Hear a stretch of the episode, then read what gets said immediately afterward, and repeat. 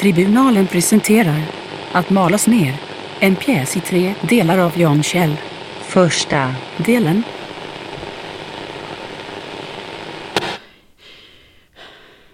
Så där funkar det här nu. Ja, inspelningsknappen lyser, bandet rullar. Den verkar fungera som den ska.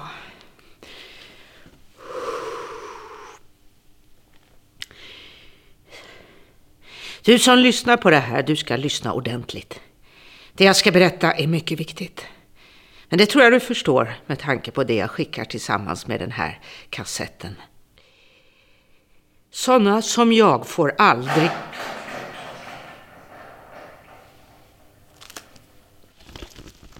Ursäkta mig ett ögonblick, jag är strax tillbaka.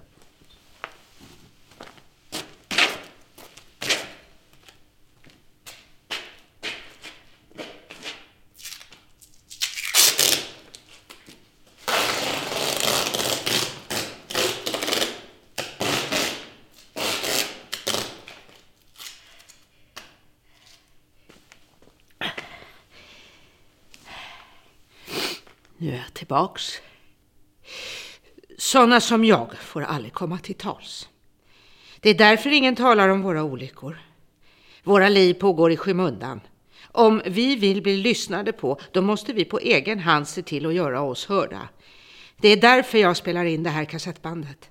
För att för en gångs skull få tala i egen sak. Jag bor här nu i en övergiven källare i en nedlagd gammal panncentral i norra Ulvsunda. Här är det kyligt och rått. Mina kläder och skor är gamla och slitna. Soffan jag sitter i också. Tyget är alldeles nött. Det är en gammal soffa, men det är min soffa. Och jag menar verkligen min, som jag hade innan. Och det är ett under att jag fick ner den hit. Det är faktiskt en hel historia i sig.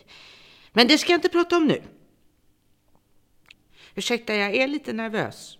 Men jag ska ta det lugnt och metodiskt så att du som lyssnar på den här kassetten förstår hur allt hänger ihop. Tänk på att jag en gång varit där du är. Tänk på att jag en gång haft allt det du har. Ett ordnat liv. En lägenhet där jag bodde med min man och mina två barn. Ett jobb jag trivdes med. Jag tyckte om att baka och ta sticklingar på pelargoner. Allt jag numera äger är den här gamla soffan jag sitter i. Men jag har inte gjort något fel. Jag har inte begått något brott. Jag har inte supit eller knarkat. Jag har arbetat och slitit i hela mitt liv och ändå kastades jag bara ut. Han har väl inte förlåt mig ett ögonblick, jag är strax tillbaka. Jag måste bara hämta.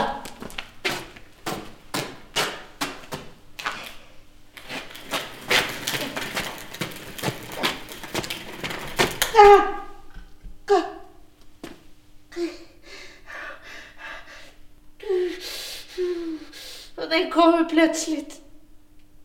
Smärtan. Jag borde ha tänkt mig för när jag släpade stolen. Jag glömmer av.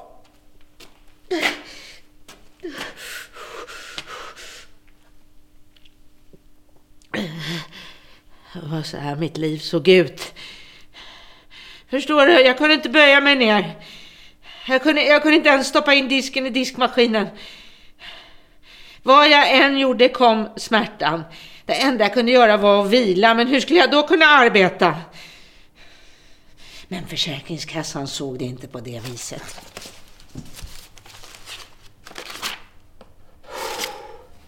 Så här står det. Enligt Försäkringskassans uppfattning kan din arbetsförmåga utifrån de tillgängliga medicinska underlagen inte anses vara nedsatt med minst en fjärdedel i förhållande till ett på arbetsmarknaden normalt förekommande arbete. Det betyder att jag inte var sjuk alls. Att jag var fullt arbetsför. Enligt Försäkringskassan var det bara att skaffa sig ett annat jobb och fortsätta som vanligt. Ett lättare kontorsjobb, sa de. Kontorsjobb! Ett kontorsjobb! Men var skulle jag få tag på ett sånt någonstans? Jag kan ingenting om kontorsjobb! Jag gick vårdlinjen!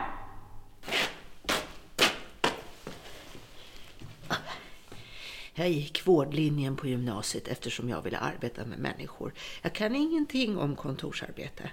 Men när jag sa det till Försäkringskassan så sa de bara att de inte fick ta någon hänsyn till det vid sitt beslutsfattande.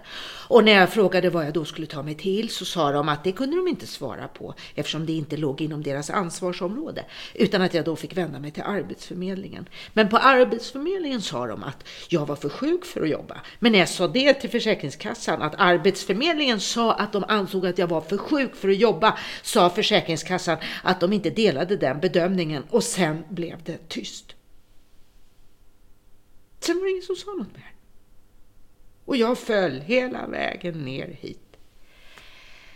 Alltså, man arbetar och ligger i hela livet. Man, man sköter sig och gör rätt för sig, ligger ingen till last och ändå går det så här.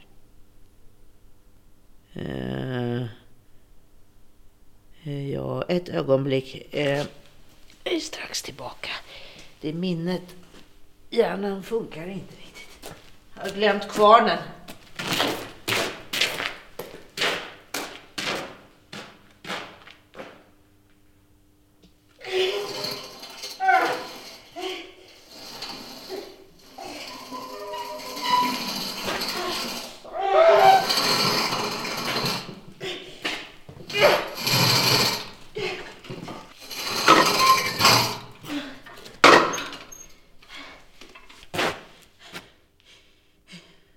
Hur ska man kunna leva när man ständigt är trött?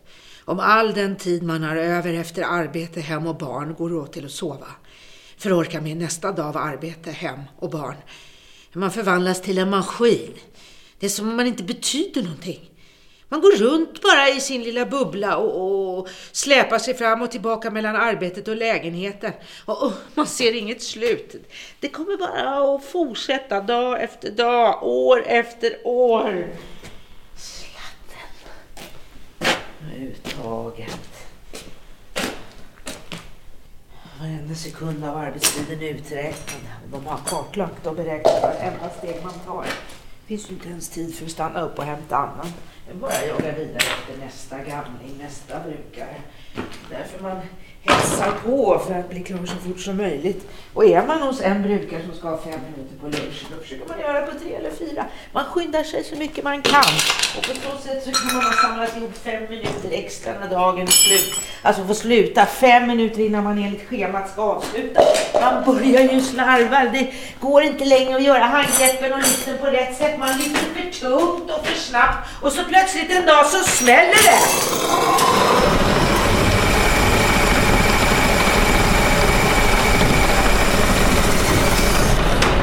Ja, den funkar.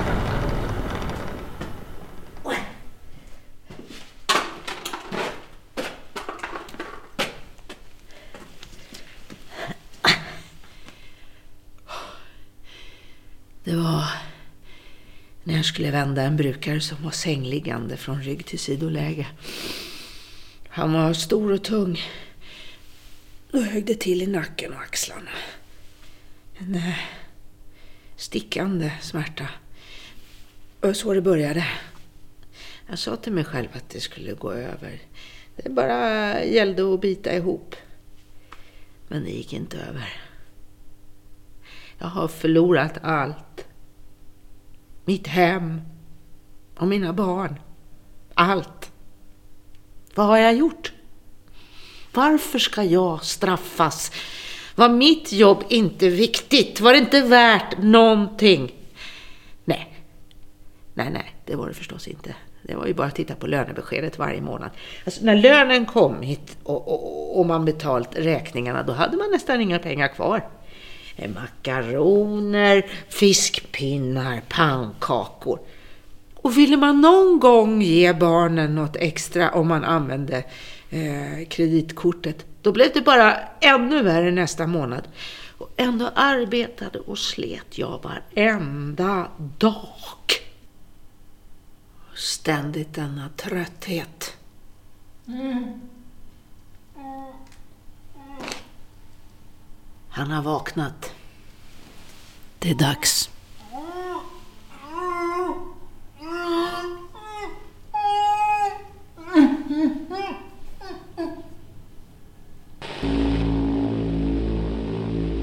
Du har hört första delen av Att malas ner. En pjäs av Jan Kjell med Anna Maria Kjell i regi av Henrik Dahl och Nils Forsén och med musik av Magnus Lindberg och Vera Westberg.